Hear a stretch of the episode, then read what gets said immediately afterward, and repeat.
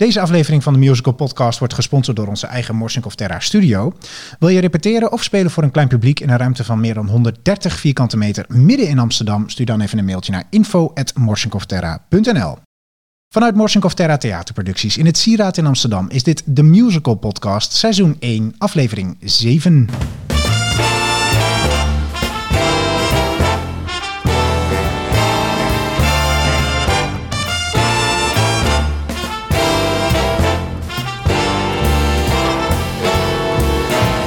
Leuk dat je luistert naar deze zevende aflevering van de Musical Podcast. We zijn er even een paar weken uh, tussenuit geweest. Uh, de Musical Podcast had ook even zomervakantie. En we hadden genoeg andere dingen te doen hier bij Morsing of Terra Theaterproducties. Maar ontzettend leuk om er weer te zijn. Op deze vrijdag uh, gaan we verder met het eerste seizoen. En dus de zevende aflevering van deze Musical Podcast. De Musical Podcast neemt je mee achter de schermen van de Nederlandse musical. En iedere week spreken we met vooraanstaande mensen die werken bij Nederlandse musicals. Van acteurs tot regisseurs, van makers tot producenten en van casting directors tot de mensen die verantwoordelijk zijn voor de marketing. Op vrijdagen zijn er nieuwe afleveringen van de Musical Podcast. En je kunt ons beluisteren via Spotify, YouTube, Apple en tegenwoordig ook via alle andere podcastplatformen. Dus als je liever uh, op een andere manier luistert, kan dat ook. Uh, en vergeet daarbij, om je niet even, vergeet daarbij niet om je even te abonneren op ons via jouw favoriete kanaal. De Musical Podcast wordt geproduceerd door Morsinkov Terra Theaterproducties. En mijn naam is Michiel Morsinkov, musicalproducent. Voor meer over, uh, informatie en een overzicht van alle afleveringen, kijk even op themusicalpodcast.nl. En dan is het tijd om te beginnen met deze zevende aflevering van de Musical Podcast. En wie is vandaag onze gast? Onze volgende gast uh, begon met studeren aan de vooropleiding Dansacademie Lucia Matos en studeerde daarna aan de Frank Sanders Academie voor Musical Theater. Tijdens zijn studie begon hij stage te lopen bij Theater Terra en daar is hij inmiddels als acteur en poppenspeler al ruim acht jaar actief. Bij Theater Terra speelde hij in de familiemusicals De Gebroeders Leeuward, Koekeloeren, Kikker is jarig, Raad en Zoveel van je hou, De Kabouter, Welteruste Kleine Beer, Kikker en een vallende ster en Kikker en het avontuur. Daarnaast is hij sinds 2017 ook werkzaam als regisseur bij Theater Terra en regisseerde hij de familiemusicals De Kleine Zeemermin, Kikker en de Vallende Ster, Aladdin, Kikker en het Avontuur en Peter Pan. En naast zijn werk bij Theater Terra is hij ook onderdeel van het musicalcollectief De Brug, waarmee hij in de Nederlandse versies van uh, of Broadway musicals speelt, zoals Voor je het weet en Ordinary Days. En daarnaast speelde hij met Frank Sanders in verschillende voorstellingen van het gezelschap van Frank Sanders, de Rosettes. En sinds dat uh, succes treedt hij ook regelmatig op als zijn eigen drag queen alter ego. Uh, en tenslotte heeft hij ook nog met Theater Terra in Azië gespeeld. Wesley de Ridder. Ja. Yeah. Van harte welkom. Dankjewel. Leuk dat je er bent. Um, uh, opnieuw iemand die al uh, jaren met mij samenwerkt in ons bedrijf. Dat is erg leuk. in het eerste seizoen kwamen al die mensen natuurlijk voorbij. En vandaag gaan we het dus met name hebben over familiemusicals. En um, om daar meteen met de deur in huis te vallen. Wat is eigenlijk het grootste verschil tussen het maken van een musical voor jong publiek en een musical voor een volwassen publiek? De lengte van de voorstelling. Ik denk dat er eigenlijk weinig verschil is tussen een, tussen een volwassen voorstelling of een uh, jeugdtheatervoorstelling. Um, want ja, het enige wat wij, wat, wat wij, wat wij maken met Theater Terra is heel erg fantasievolle voorstellingen. Um, die gericht zijn op kinderen, maar het maken zelf. Dus de, de nieuwe, Nederlandse, een nieuwe Nederlandse musical maken, dat gaat denk ik op dezelfde manier zoals een grote voorstelling in elkaar wordt gezet. Dus er is niet een speciale aanpak uh, die je hebt als je een musical maakt voor jongere mensen, voor nee, kinderen moet, en families. Je moet dus rekening houden met de lengte, want de lengte, vaak is het zo'n voorstelling een uur, een uur en een, een, kwartier, misschien net iets langer of net iets korter. Uh, dus dat betekent dat een, wat een, uh, als een verhaal normaal gesproken in twee uur, twee uur wordt verteld voor volwassenen, dan moet het bij ons in een uur, dus dan gaat het allemaal sneller, zitten er minder liedjes in. Maar ik denk dat de, het ontwikkelproces hetzelfde is. En kun je een voorbeeld geven van een, van een voorstelling die je gemaakt hebt bij Theater Terra? Waar je bijvoorbeeld anders meer tijd zou hebben en dat dan nu wat korter zou moeten? Uh, nou ja, uh, Peter Pan, de, daar hebben we die voorstelling toen we die echt gingen try-outen, was hij nog anderhalf uur. Ja. En ja, voor kinderen die houden die boog gewoon net iets ja, minder goed vast. Dus dan moet je terug naar een uur en tien minuten. En hoe doe je dat? Want het is natuurlijk een verhaal dat het oorspronkelijk natuurlijk langer zelfs dan anderhalf uur. Als je het hele oorspronkelijke toneelstuk van Peter Pan leest, dat, is, uh, dat duurt nog even. Ja. Wat is daar de sleutel bij om zo'n voorstelling zo kort uh, te maken? En terwijl je wel trouw blijft aan het oorspronkelijke verhaal. Ja, de sleutel is denk ik om um, vanuit een verhaal waar dus heel veel bijpersonages, heel veel bijlijnen en zo zitten, om helemaal dat uit te faceren naar wat is het verhaal dat je wil vertellen. Eén specifieke lijn. En daaromheen kan je dan de rest gaan bouwen. En dat betekent dus dus dat als je een voor- voorstelling hebt die anderhalf uur duurt, ehm, dan wordt het Kill Your Darlings. Dan wordt het misschien een leuke bijscène. Die moet er dan uit. Ja. Omdat het verhaal, nou bij ons ging het dan specifiek over Wendy. Eh, we moeten het verhaal van Wendy meekrijgen. Ja, en als we dan niet met Peter langs Zeemerminnen kunnen, Ja. ja, dan is dat helaas. Maar dan moet dat er als eerste uit, want we willen het verhaal van Wendy. Kun je dat nog iets specifieker uitleggen bij Peter Pan en dat verhaal van Wendy? Nou ja, eh, eh, kijk, bij Peter Pan denk je vaak dat het verhaal over Peter Pan gaat, maar wij hebben besloten, ja, besloten ja, eh, dat het verhaal eigenlijk meer over Wendy gaat. Het gaat over haar eh, fantasie, hoe ze Peter ontmoet en hoe zij in eh, Nimmerland, Neverland, zoals andere mensen het kennen, ehm, ehm, leert hoe het is om zowel kind te blijven, maar ook volwassen te worden. En dat dat ook helemaal niet erg is. Dus dat verhaal wilden we vertellen. Ja, dan kom je dus, als je haar verhaal wil- wilt vertellen... en we, spelen maar met, we speelden met vijf mensen... eh, ja, zijn haar broertjes dan van belang? Dat is dan een keuze die we meteen maakten. Nou ja, die zijn daarin niet specifiek heel erg noodzakelijk in. Nou ja, Ja. ik heb maar vijf spelers. Ik heb maar zoveel, pers ik heb zoveel personages. Nou, dan kunnen die eruit. En zo ga je dat dan per scène of per eigenlijk in het boek ga je dan meteen kijken samen met de schrijver Mark Veerkamp. Van wat is nou, wat moet je eruit faceren om uiteindelijk het, het basisverhaal van Peter Pan, wat, waar wij dus voor kozen om het over Wendy te laten gaan, om ehm, eh, wat moet je eruit halen om tot die 1 uur en 10 minuten te komen en toch wel alles te vertellen wat in, in het boek zit. Ja, en in dit geval lag dus het antwoord daarin het verhaal van Wendy. En het verhaal van. Wendy. Ja. En we gaan dat heeft natuurlijk ook vergevolgen eh, gevolgen voor de vormgeving. Daar gaan we het straks natuurlijk ook nog eh, uitgebreid over hebben. En dat is dus aan de kant van eh, de lengte, dat een voorstelling korter is vanwege de aandachtspannen van, van kinderen. Ehm, maar zijn er ook dingen die je anders doet, bijvoorbeeld op taalgebruik? Ik kan me voorstellen dat, en ik weet natuurlijk sommige van die dingen omdat ik betrokken ben in het proces, Ja. maar ik laat jou het graag vertellen. Maar ik kan me voorstellen dat, dat mensen die niet per se kinderen hebben en naar zo'n familievoorstelling zijn geweest, of een musical voor, voor kinderen en families, dat die vaak denken dat je misschien ook het taalgebruik anders moet eh, aanpassen, dat je een soort knieval bijna moet maken naar kinderen. Hoe, maar Ja, hoe ga je daarmee om? Ja, eh, Fons zei het al in een eerdere pod- podcast, geloof ik. Ja, dat moet je bij kinderen ook helemaal niet doen. Ja. Je moet kinderen niet dommer inschatten dan dan ze zijn. Ehm, en ja, soms kan het wel eens gebeuren dat je een woord moet veranderen omdat het een woord is wat ze echt niet kennen. Of je moet het woord uitleggen ehm, eh, in, in- de scène. Maar als je gewoon een voorstelling maakt zonder dat je denkt het is voor kinderen, het moet allemaal eh, alleen maar onderbroeken lol zijn of eh, het moet, weet je wel, dan kan je net zo goed een clown inhuren. Ja. Ehm, eh, wij willen toch wel theater maken wat heel fantasierijk is en waarin, waarin de, het kind wordt uitgedaagd om hun, zijn eigen fantasie te prikkelen. Ja. En nogmaals, ook daarbij komen we straks weer over de vormgeving. En dat is meteen goed om te vertellen dat hè, we zitten hier te praten over eh familiemusicals. De musical podcast gaat over musical in alle aspecten. En vandaag hebben we het dan over musicals voor een eh, jong publiek. Maar specifiek Theater Terra, eh, en nogmaals, daar hebben we het straks verder over. daar hangt heel erg mee samen hoe dat in beeld gaat. Ehm, en, eh, maar toch nog even terugkomen bij dat, bij dat punt. Hoe ga je, hoe, hoe- we hebben het nu over taalgebruik en lengte. Je wil dus zorgen dat die voorstelling voor kinderen is, maar niet kinderachtig wordt. Zo zeggen Ja. we dat ook vaak hier binnen Theater Terra. Wat zijn andere dingen waarbij je daaraan denkt om daarvoor te zorgen? Ehm, eh, dat betekent eh, dat je gewoon acteurs moet, erbij moet halen die gewoon goed kunnen spelen. Ja. Eh, dat je daar niet op moet inboeten, goed moet kunnen zingen.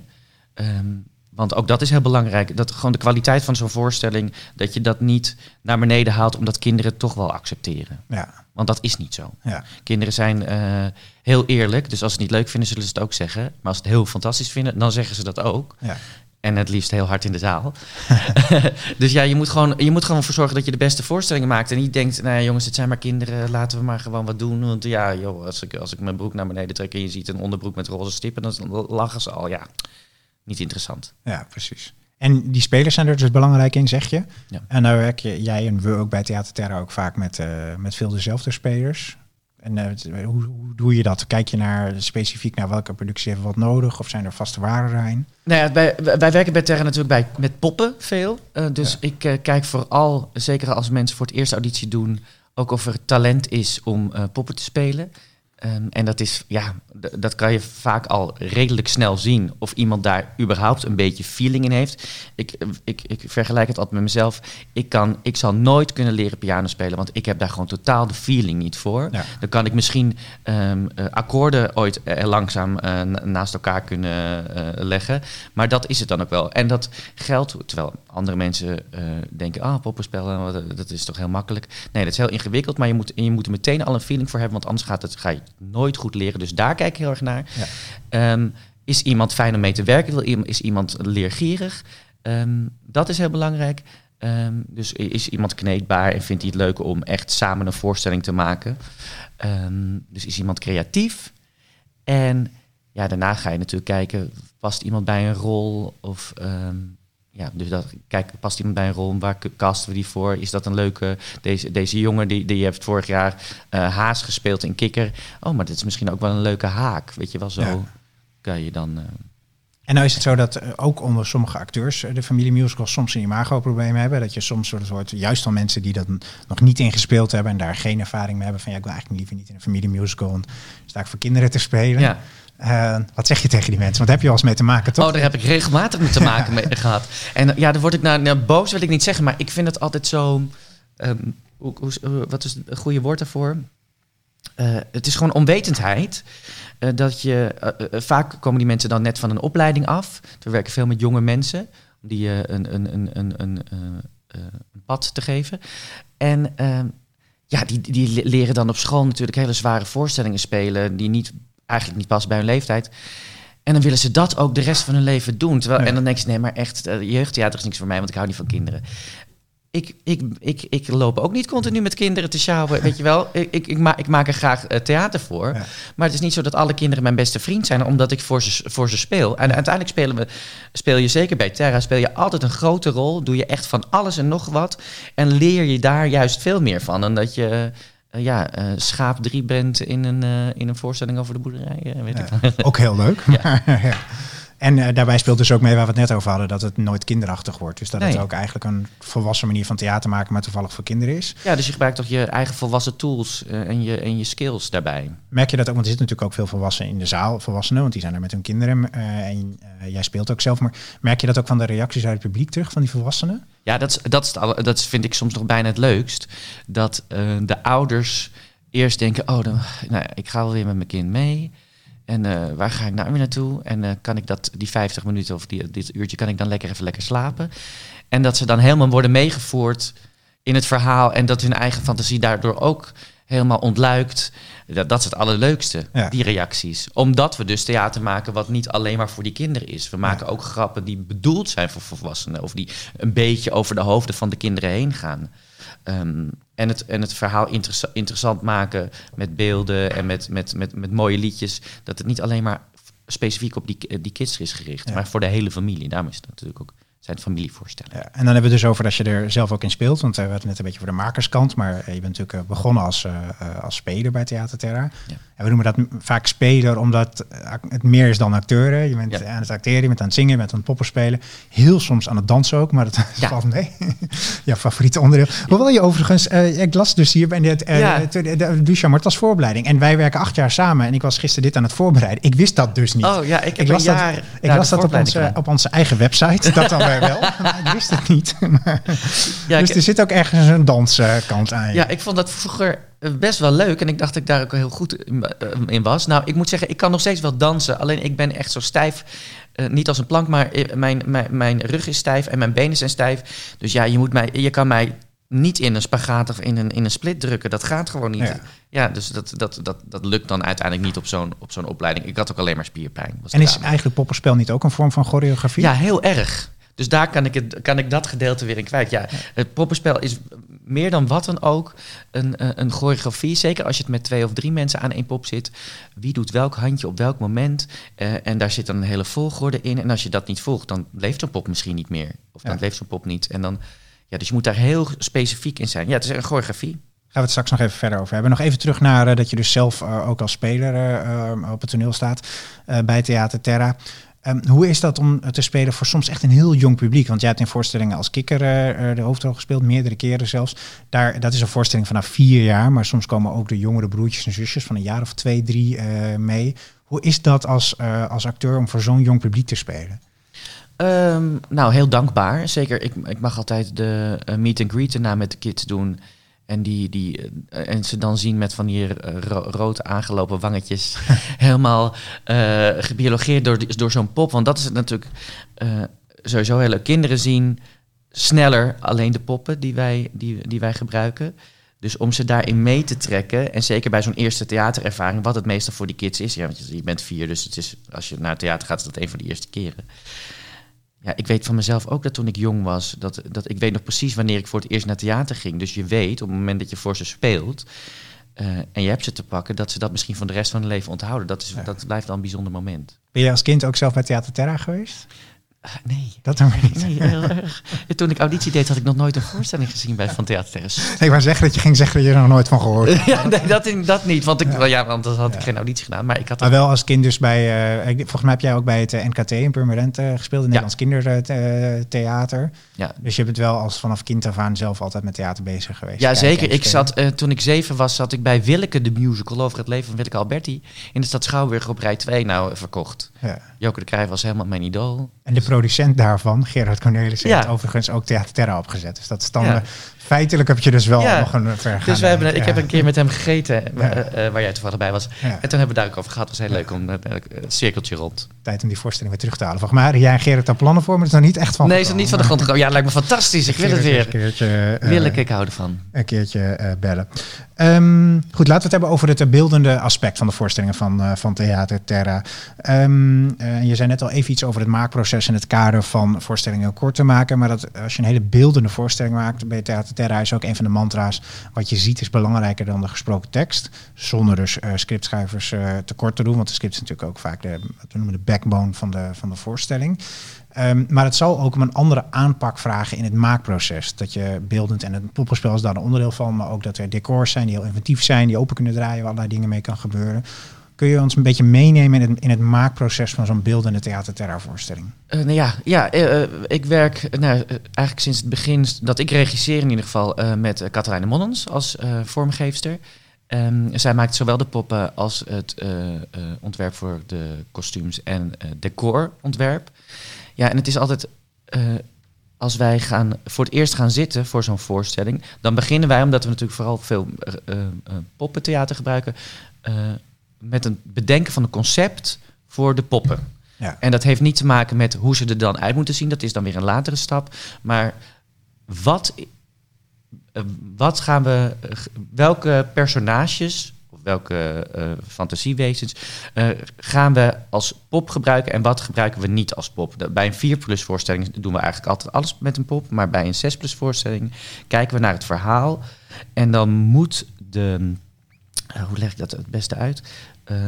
Dan moet de pop, omdat we dus met poppen werken, uh, wel een toegevoegde waarde hebben. Want anders is het heel arbitrair en dan, maakt het, en dan doen we hier een pop en daar een ja. pop, want het is theater terre. Nee, we willen graag een concept hebben.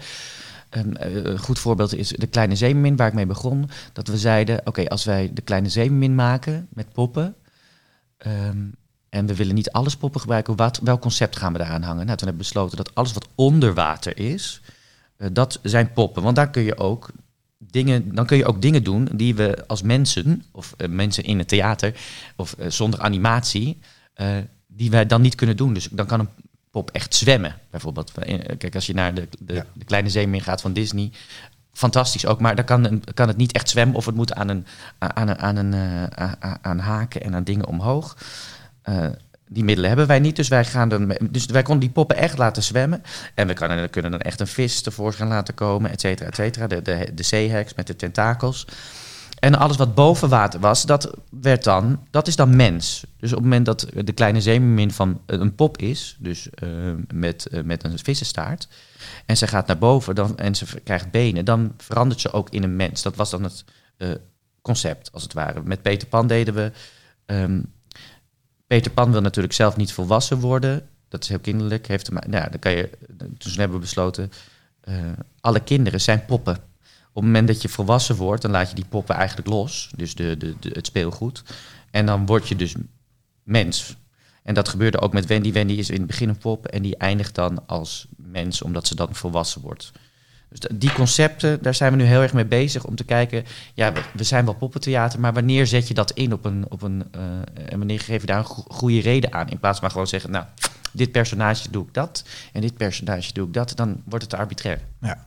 En hoe gaat dat dan verder in het maakproces? Want uh, neem je dat ook mee bij het schrijven van de voorstelling met de schrijvers? Um, nou, ik zeg tegen de schrijver altijd: schrijf, schrijf zoveel mogelijk de, uh, de versie die je zou willen maken van de voorstelling. En dan kijk ik daarna met, de per, met alle personages en de poppen of ik daar de voorstelling van kan maken die ja. ik zou willen maken.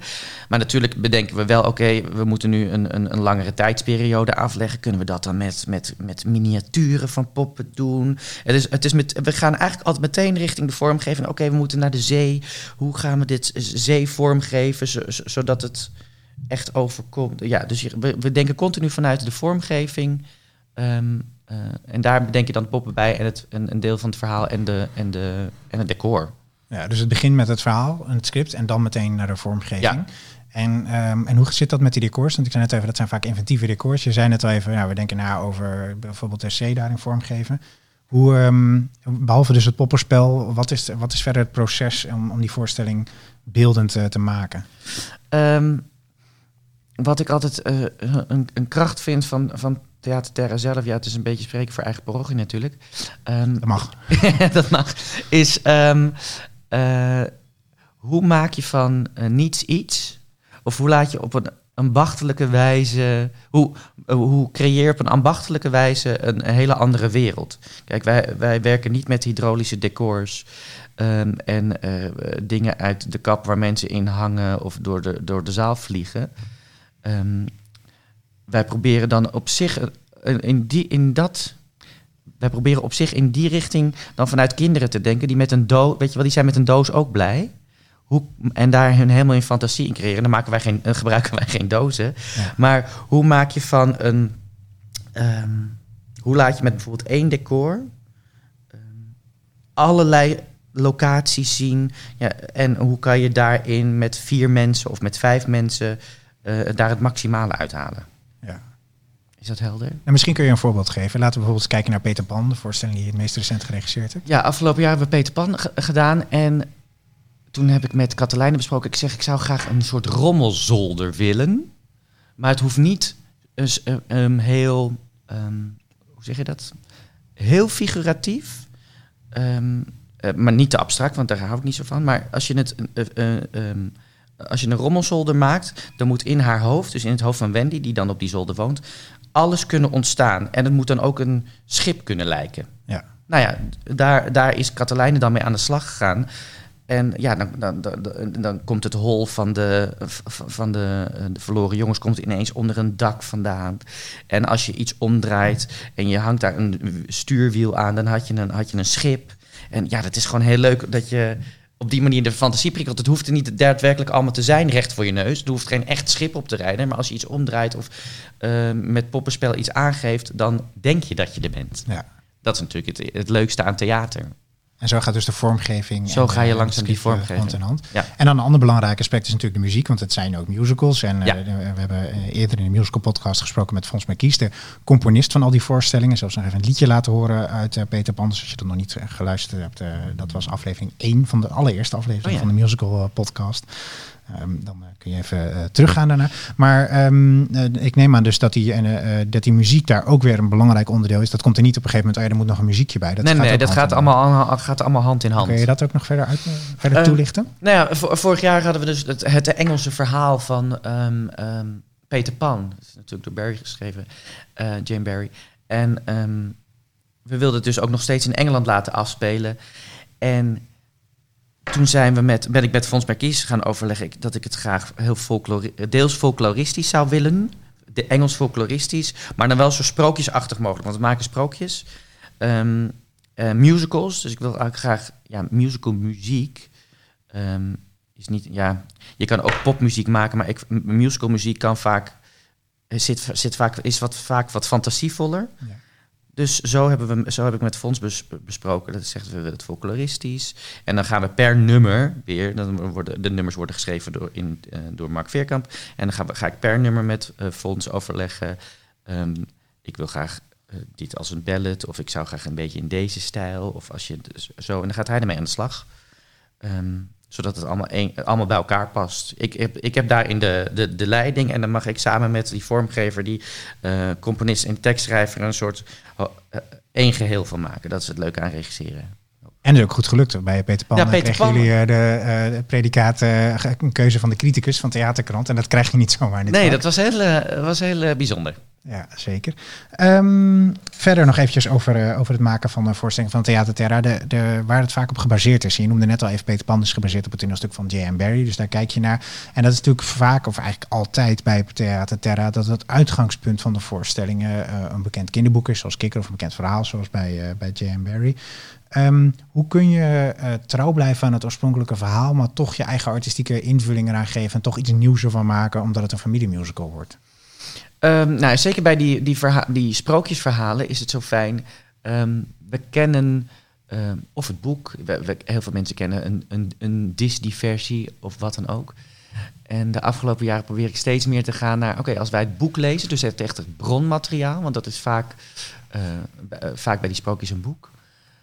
Ehm, en je, bedenkt met de, met de, met de eh, s- scriptschrijver dan wat het, wat het verhaal is wat we willen vertellen.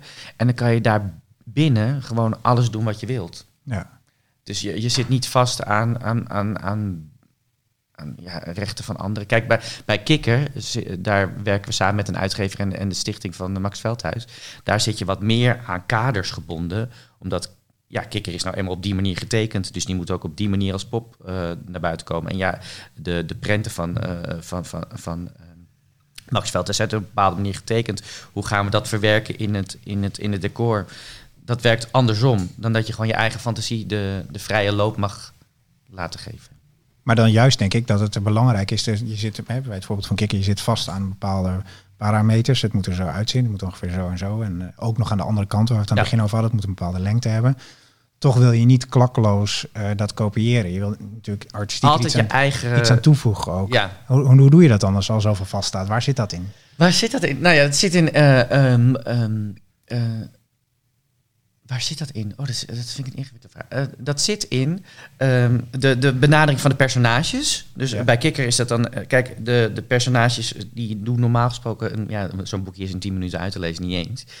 Ehm, daar ga je dan in kijken, in al die boekjes. Wat zijn nou de, de, de kern-eigenschappen van zo'n van zo'n personage? En hoe kunnen we dat uitbreiden en groter maken? En hoe zet je die personages dan tegenover elkaar om het... eh, nou, bijvoorbeeld in de, in de voorstellingen was Varkentje een beetje een, een, een dommig meisje. Ja. Eh, en dat vergroten wij natuurlijk uit, want het is theater. Terwijl het in het boekje is dat minder, komt dat minder naar voren. Maar doordat wij er wat dommer neerzetten, zit er meer humor in en staat ze, staat ze, krijgt ze een, echt een andere kleur tegenover de andere Dus personages. uitdieping van de personages. Uitdieping van de personages, ja. Maar dat is denk ik niet het enige, want we hadden het ook over muziek en vormgeving. En daar kun je natuurlijk heel veel in, eh, in toevoegen. Ja, dus, dat is met, dus dat, het, hetzelfde geldt voor, eh, inderdaad voor de muziek.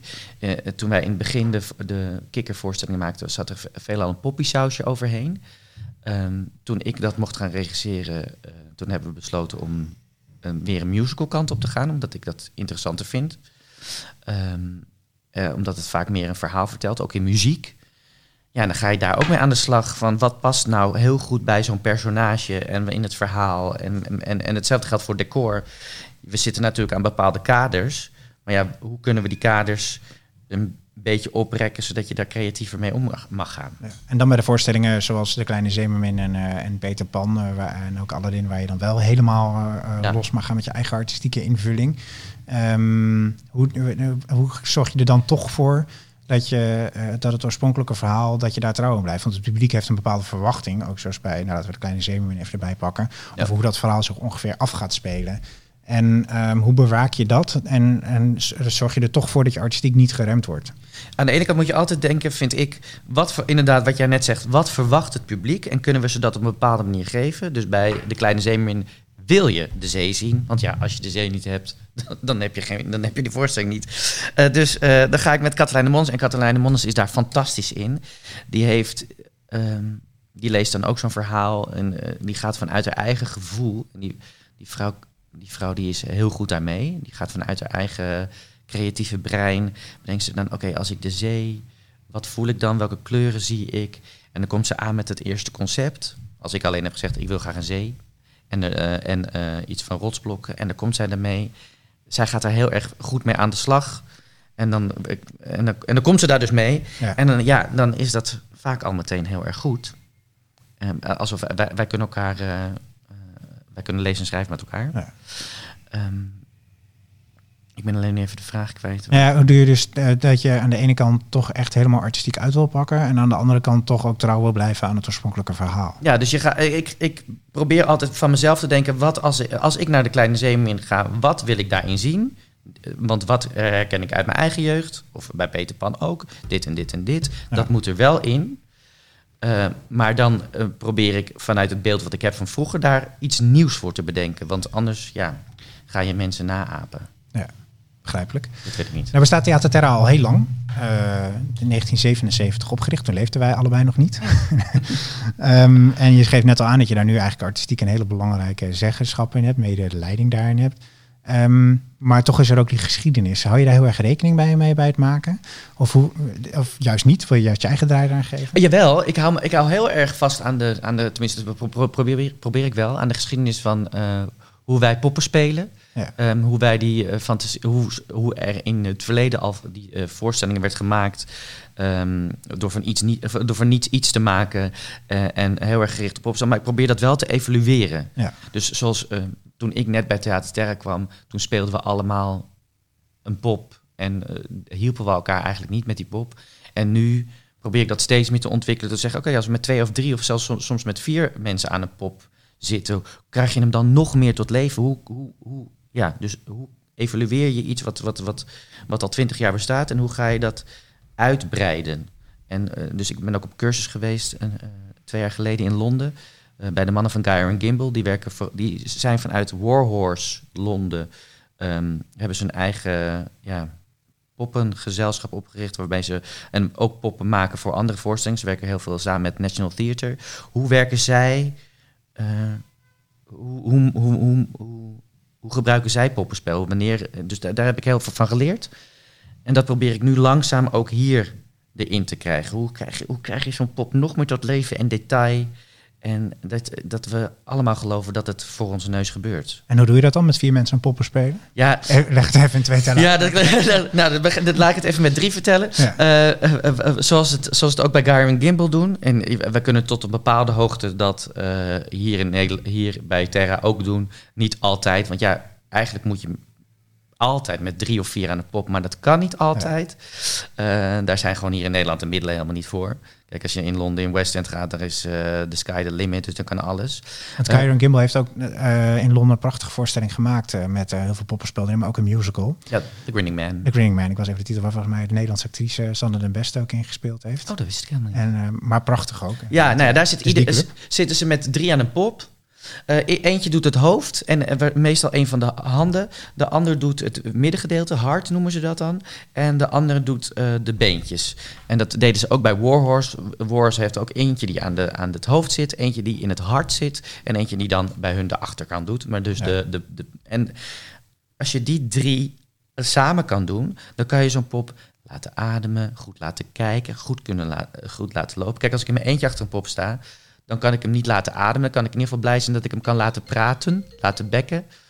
Eh, en ik kan hem eh, met een. eh, en ik kan één handje doen. En als we gaan lopen, dan moet ik dat eh, met mijn eigen benen door te schoppen tegen de achterkant van de pop te doen.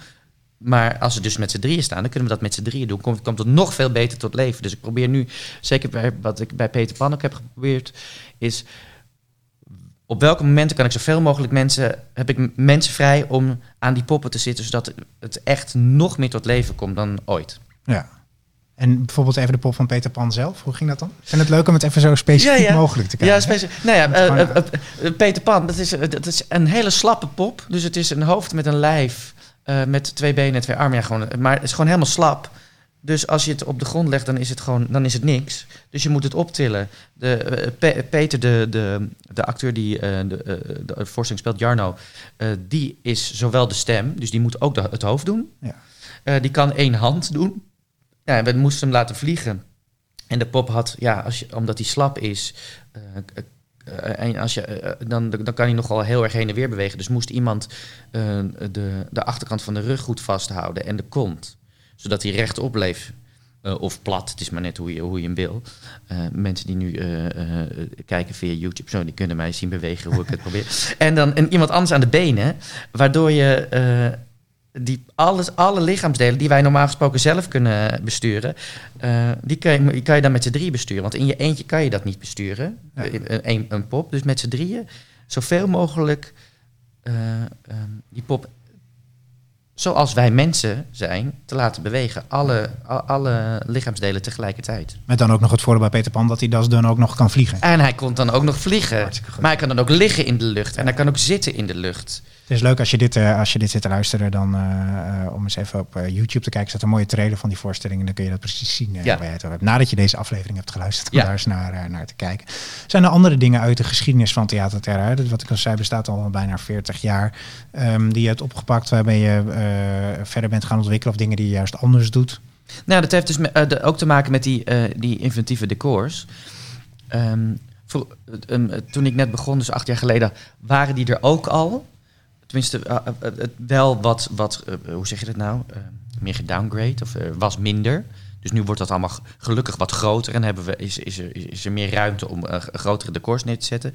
Maar je moet ze ook gebruiken. Ja. Je moet ze niet alleen maar hebben staan. Ehm, dus je kan wel leuk een decor neerzetten. maar het is veel interessanter als, dat, als er iets openklapt of als er iets omdraait. Of als je het ook ten volle benut. Ja. In plaats van dat je het alleen hebt staan en daarin bewegen we. En eh, oh, we hebben eigenlijk helemaal geen tijd gehad om iets om te draaien. Dat is, zon, het is gewoon zonde. Je moet Ja. gewoon, ja, dat dat inventieve en dat van hot naar her en van, van locatie naar locatie is gewoon su- superleuk. En ook voor de kinderen werkt dat steeds meer. Kinderen willen steeds sneller en steeds meer. Dat is gewoon eh, nou eenmaal de generatie. Ehm, en dat kun je dus of doen door een soort ADHD-voorstelling te maken. Waar kinderen helemaal eh, ook met ADHD eruit komen.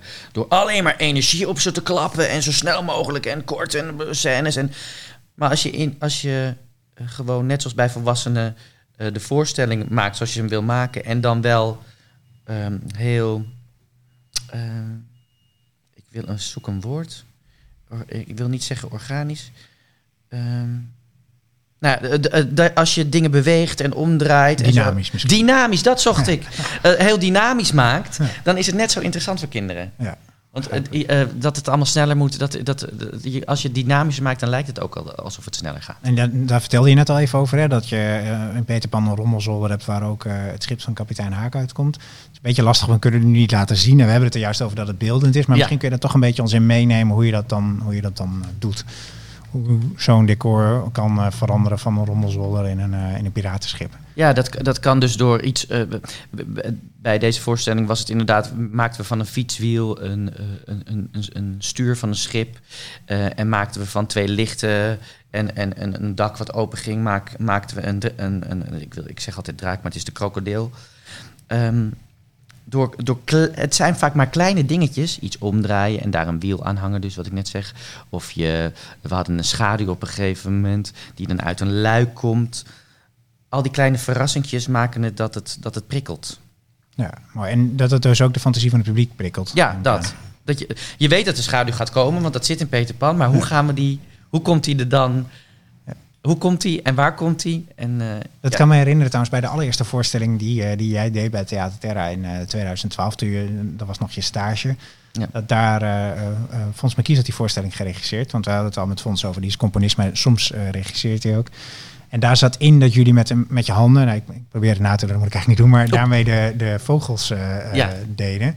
Ja. En het viel mij op dat je dan, als je de zaal uitliep, dat soms kinderen dat ook naast stonden Ja. te doen. Dat die in hun eigen fantasie er weer daarmee mee verder gingen. Dat Ja. is natuurlijk te gek hoe je dat, eh, hoe je dat kan doen. Ja, en die, die, die, waren toen duiven. Of duiven. ja. Duiven waren toen. En eh, en de, in Peter Pan heb ik die terug laten komen. Dat, dat ja, vond ik een leuke knipoog naar toen. Nou, dat is toch ook weer de geschiedenis die dan Ja. weer terugkomt.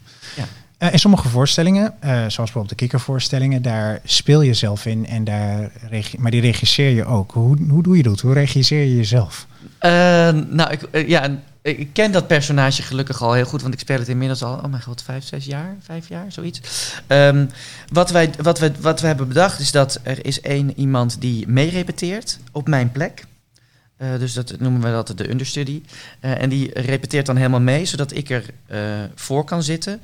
Kijk, bij poppenspellen is het heel belangrijk dat, je, dat, je, dat de regisseur ervoor zit en kan zien wat er gebeurt Ja. omdat je niet altijd vanaf het begin, omdat je bo- net boven de pop hangt, kan zien of de pop goed staat, of je goed beweegt. Dus moet je een regisseur hebben die ervoor zit en kan zeggen: Oké, maar als je dit handje omhoog doet, dan moet je hem zo omhoog doen, want anders ziet het er raar uit. Dan ziet het er niet meer eh, nou, menselijk wil ik zeggen, ja, kan het fysiek gezien. Komen eigenlijk een beetje terug erbij dat het een soort choreografie is. Ja, dan komen we weer bij het. Het is een choreografie. Dus je moet er een choreograaf voor hebben zitten. En Ja. een choreograaf die zelf meedanst, direct, die kan niet zien wat de formaties zijn. Ja.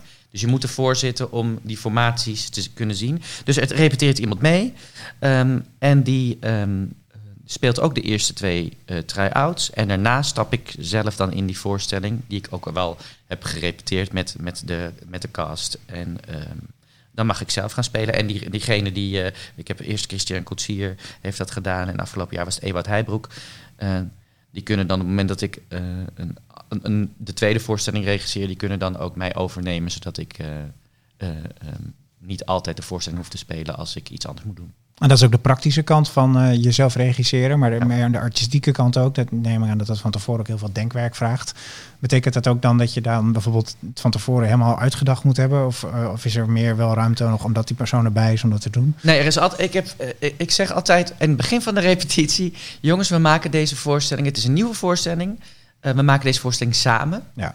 Ehm, dus de- we maken het samen met de cast en met, met het hele creatieve team. Ehm, alleen heb ik veto aan het einde, zeg ik altijd. Dus dat betekent, ik vind het het leukste om niet... Kijk, ik, ik heb wel bepaalde ideeën over bepaalde eh, stukken van de voorstelling. Maar ik vind het leukst als we met z'n allen eerst gaan lezen... wat komt er uit, uit de acteurs... Ehm, hoe kunnen we dat vergroten of verkleinen? Komt daarna uit. En daarna gaan we de vloer op. Hoe werkt zo'n pop? Want dat weet je van tevoren ook niet. Wat, wat, eh, wat kan dan wel of wat kan dan niet? En dan ga je zo langzaam die voorstelling als een soort, ja, eh, met allemaal bouwsteentjes maak je daar een, eh, een, een, een, een, huis van. En dat, maar dat gaat heel langzaam en dat gaat in samenspraak met, met de cast. En dat is het allerleukste, dat die zelf ook creatief aan de slag gaan. In plaats van dat ze eh, worden neergezet. Eh, Ze moeten van A1 naar, naar C2. Nou, dat is voor hun ook niet interessant. is voor mij ook niet interessant. Want ik wil met hun werken omdat zij ook iets geven. En als je eenmaal zelf eh, in de voorstelling staat, dus het over hebt genomen van die, eh, van die acteur, die Ja. stand-in eigenlijk. Nou, dan kan het voor de cast zijn dat het net iets anders loopt dan wat, de, wat we met de andere... Met Begrijpelijk. Maar ook, eh, je bent dan ook nog aan het regisseren tot aan de Ja, première. Dus ja. hoe doe je dat dan? Nou ja, de- dus dan, die, die, die la- laatste try-out en de première en daarna ook... Ja, je probeert aan de ene kant met jezelf bezig te zijn... omdat je alle plekken moet weten. Maar ondertussen blijf je bezig met... oké, we hadden deze scène op deze manier bedoeld... of op deze manier gezet. En dan ga je gewoon achteraf in, in gesprek met, met, met, met je cast. En je bent daar continu wel mee bezig. Dus aan de ene kant ben je bezig met eh, regisseren... en aan de andere kant ben je aan het spelen. Ja, dat moet je gewoon combineren. Maar ik ben nogal... ADHD-erig in dat soort. Dus ik kan het wel redelijk allemaal tegelijk samen doen. En neem ik aan dat je daar ook eh, eh, video voor gebruikt, het opnemen, terugkijken. Ja, ja, dus we, nemen zeker de, de, de, de try-outs op en dan kunnen we dat terugzien. En dan kan ik daarmee nog eh, aan de slag. Ook met mezelf, want ik kan mezelf dus niet altijd zien. En het is wel zo dat we diegene die mij ehm, eh, dus eh, heeft overgenomen in het begin... die laat ik dan ook wel tijdens die try-outs die ik zelf speel in de zaal zitten... en die mag mij ook notes geven. Het is niet zo dat, omdat ik de regisseur ben... eh, ik niet commentaar van iemand anders aan Ja. kan. Dus ik laat diegene ook wel zeggen... oké, heb ik dingen verkeerd gedaan? Liep ik verkeerd? Nee, die kan dan met mij daar weer in over gesprek. Zo kom ik dan ook wel eens bij. Het was hartstikke goed, heel leuk. Eh, maar dit gaan we anders doen. ik heb je even mijn notes. Ja. Zo'n lijst. Maar dat denk ik ook belangrijk. Ik maak er nu een grapje van. Maar het is natuurlijk ook heel belangrijk dat. eh, ehm, en ik heb het er ook eerder met, eh, met Daniel Ken, ook regisseur van musicals, in een musical podcast over gehad. Dat het maken van een musical is echt een teamvak. Er komen echt zoveel mensen bij kijken. En dat is denk ik ook het leuke van deze musical podcast. Dat we al die verschillende mensen in verschillende posities eh, eh, aan het woord kunnen laten. Ja. Eh, als je in de zaal zit en je gaat naar musical kijken, zie je gewoon mensen op het toneel staan. That's it. Maar alleen al bij die voorstelling zelf wat achter de schermen gebeurt. En dan erbij komt in het maakproces. Dat denk ik ook heel goed en belangrijk is wat je aangeeft. Hè? Dat je al die mensen van verschillende kanten die eraan meewerken hun input geeft. Zonder dat het tegelijkertijd een soort van anything goes mentaliteit wordt. Dus dat Ja. je als regisseur daar wel ook je stempel op, eh, op blijft drukken. Ja, En is dat belangrijk om dat goed in de gaten te houden? Dat je niet naar de een of de andere kant doorschiet? ik denk dat dat een van de belangrijkste taken is van de regisseur. Om te kijken, oké, iedereen heeft allemaal ideeën. Dat is allemaal leuk, lief en aardig. Maar hoe gaan we, dat, hoe gaan we daar één ding van maken zonder te veel compromissen te sluiten? Ja. Want een, een, een compromissenvoorstelling is het ook niet altijd het beste. Weet Ja. je wel? Je moet ook du- soms durven. En dan, Ja. kan, dan kan het soms zijn dat je, dat je niet hebt geluisterd naar je componist en zegt: Ja, maar ik ga het toch op deze manier erin zetten. En dan kijken we of het goed komt. Ja. Of, en, of, eh, en met jou, weet je wel, dat je, als jij zegt: Ik wil het zo. En ik zeg: Ja, maar ik wil het toch even zo proberen nog. En uiteindelijk kan het wel zijn dat we het alsnog veranderen. Maar je moet als, als, als regisseur daar de, ja, het overzicht in houden. Om ook duidelijke keuzes, uh, duidelijke keuzes Ja. te maken. Jij bent toch een soort manager. Ja. Ehm, laten we het even over inspiratie hebben. Ook heel belangrijk in ons vak. Je noemde net al eventjes uh, Gary Gimbel in uh, Londen waar je geweest bent. En wat het ook even de geschiedenis van Theater Terra. Maar wat zijn andere uh, dingen binnen jeugdtheater, binnen musical, misschien ook wel daarbuiten, waar jij je door laat inspireren? Um, nou ja, wij maken natuurlijk sprookjes. Dus, um, en het is niet zo dat ik nou direct wil kopiëren, maar dat wat ze bij Disney bijvoorbeeld doen. Um, zowel in hun parken als in hun films. En in, in sprookjesfilms, ook in hun Disney-klassiekers. Ja, dat is onnavolgbaar. Um, en daar zijn veel grotere budgetten. En het is niet normaal wat ze daar allemaal kunnen. Maar het is wel interessant om daar naar te kijken. Van hoe kan, zo, hoe, hoe kan zo'n bedrijf al nou ja, bijna 100 jaar de fantasie prikkelen van kids? Ja. En dat ook steeds op, eigenlijk opnieuw uitvinden. Want er is regelmatig gebeurt dat ze dan toch een aantal films uitbrengen die niet lukken. En dan zich opnieuw uitvinden. En dat, moeten wij, dat doen wij ook.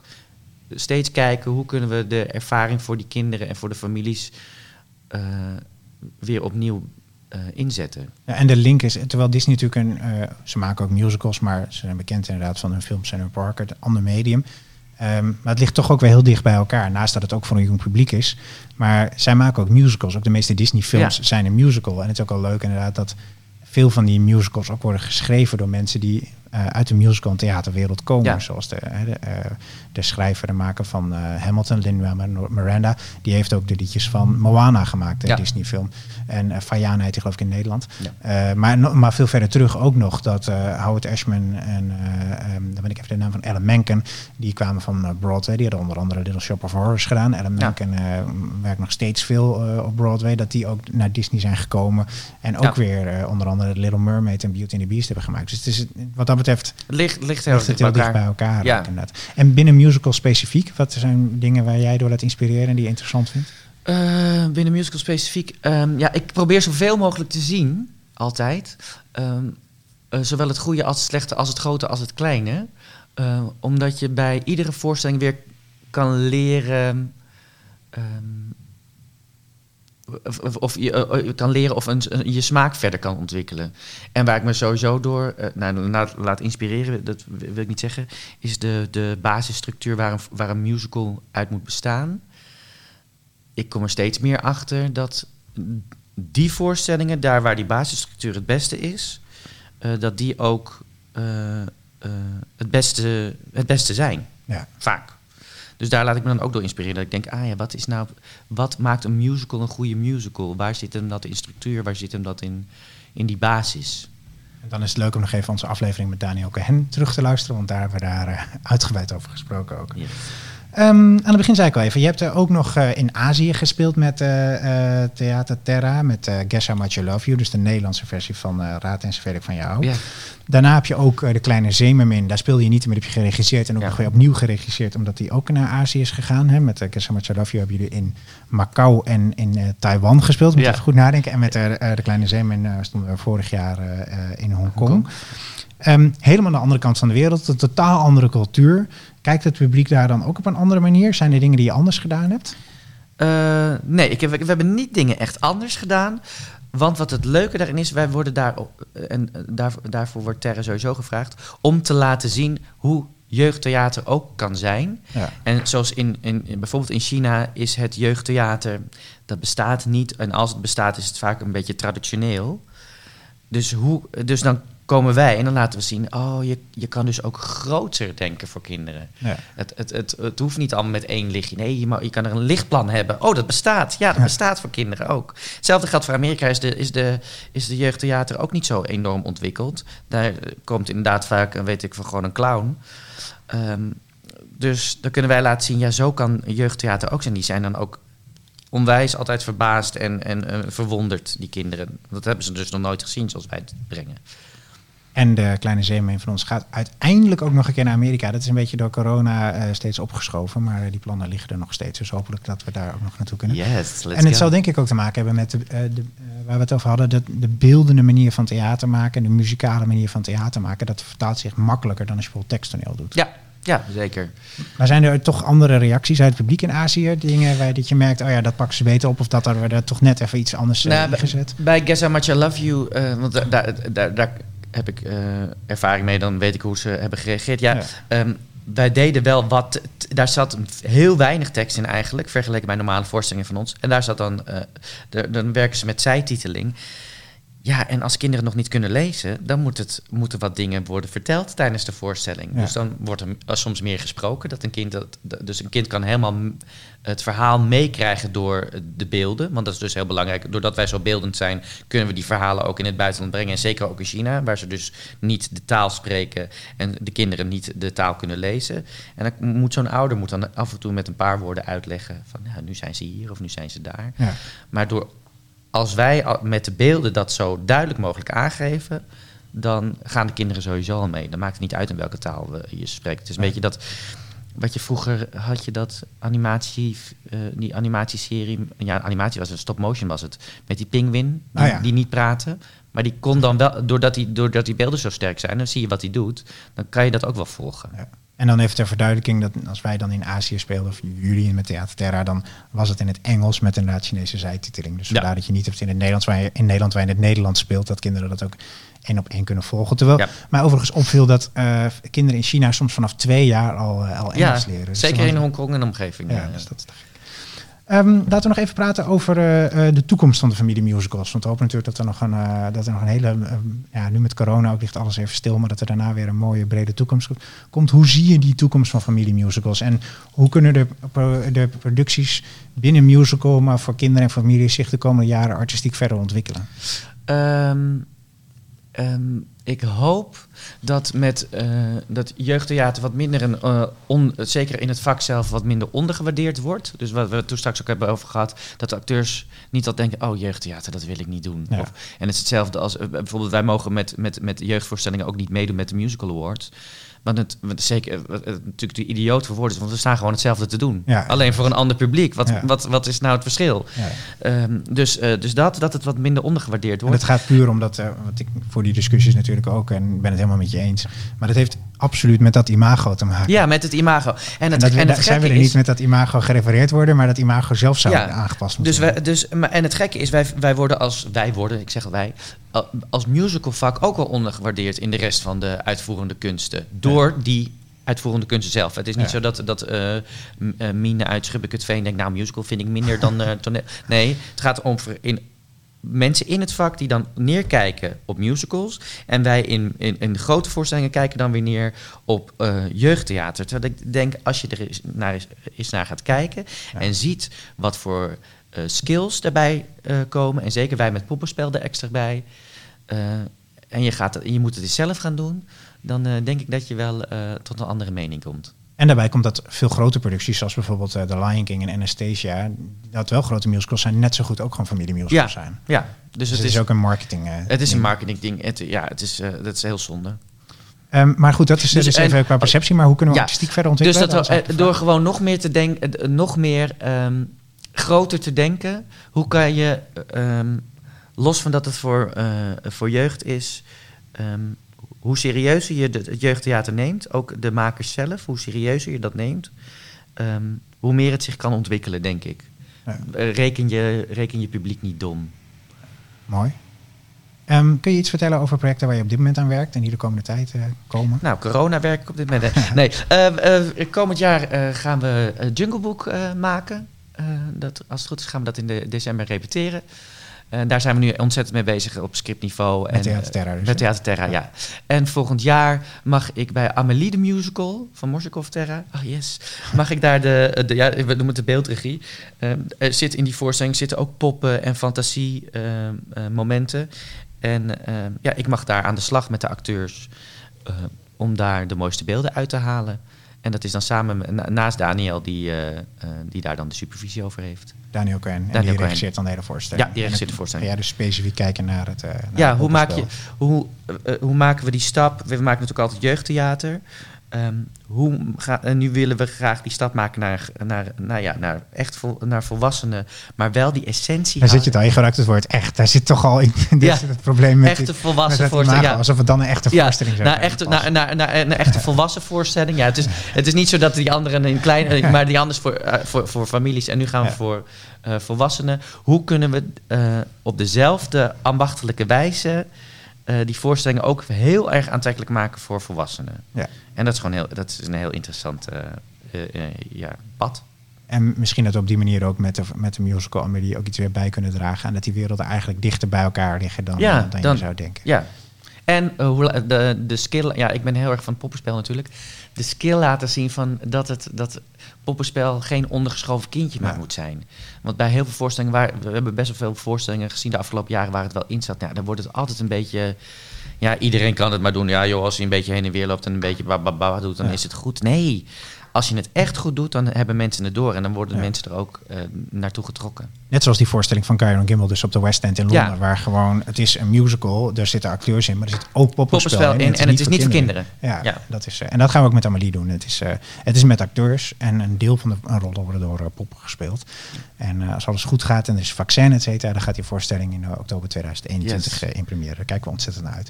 Hey, het zit er bijna op. Heel leuk om met je hier allemaal over te praten. Heel fijn dat je er bent. We sluiten af met de laatste vraag waar ik eh, bij iedereen mee afsluit. En eh, ehm, omdat we de eerste afleveringen allemaal achter elkaar opgenomen, kwam die vraag eh, uit de, uit de lucht vallen. Jij hebt erover na kunnen denken, dus dat is goed. Ik ga hem toch stellen. Als we tien jaar verder zijn, dus het is nu 2020 en het is dan eh, 2030, hoe verwacht je dan dat een Nederlandse musical er dan uitziet? Wat ik hoop is dat het jeugdtheater meer aansluiting heeft gevonden met het eh volwassenentheater. Niet alleen vanuit de makers, maar ook vanuit het publiek.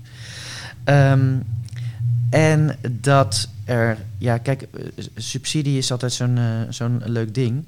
En we, eh, voor, het nu, voor, voor het eerst krijgt musicaltheater wat subsidie. Maar door, door subsidie kunnen er nieuwe dingen ontstaan. Ehm, en ik hoop dat dat voor de musical wat breder wordt ingezet, zodat, we, zodat er gewoon meer uitgeprobeerd kan worden. Ook op nieuw, nieuw Nederlands materiaal. Ik geloof dat iedereen dat voor, mij ook heeft gezegd, dat we hopen op meer nieuw Nederlands materiaal. Klinkt interessant. We kijken er naar uit. Yes. Heel erg bedankt voor je komst. Leuk dat je er was. Heel leuk om hierover te praten. Yes. Dit was de Musical Podcast. Eh, tot volgende week.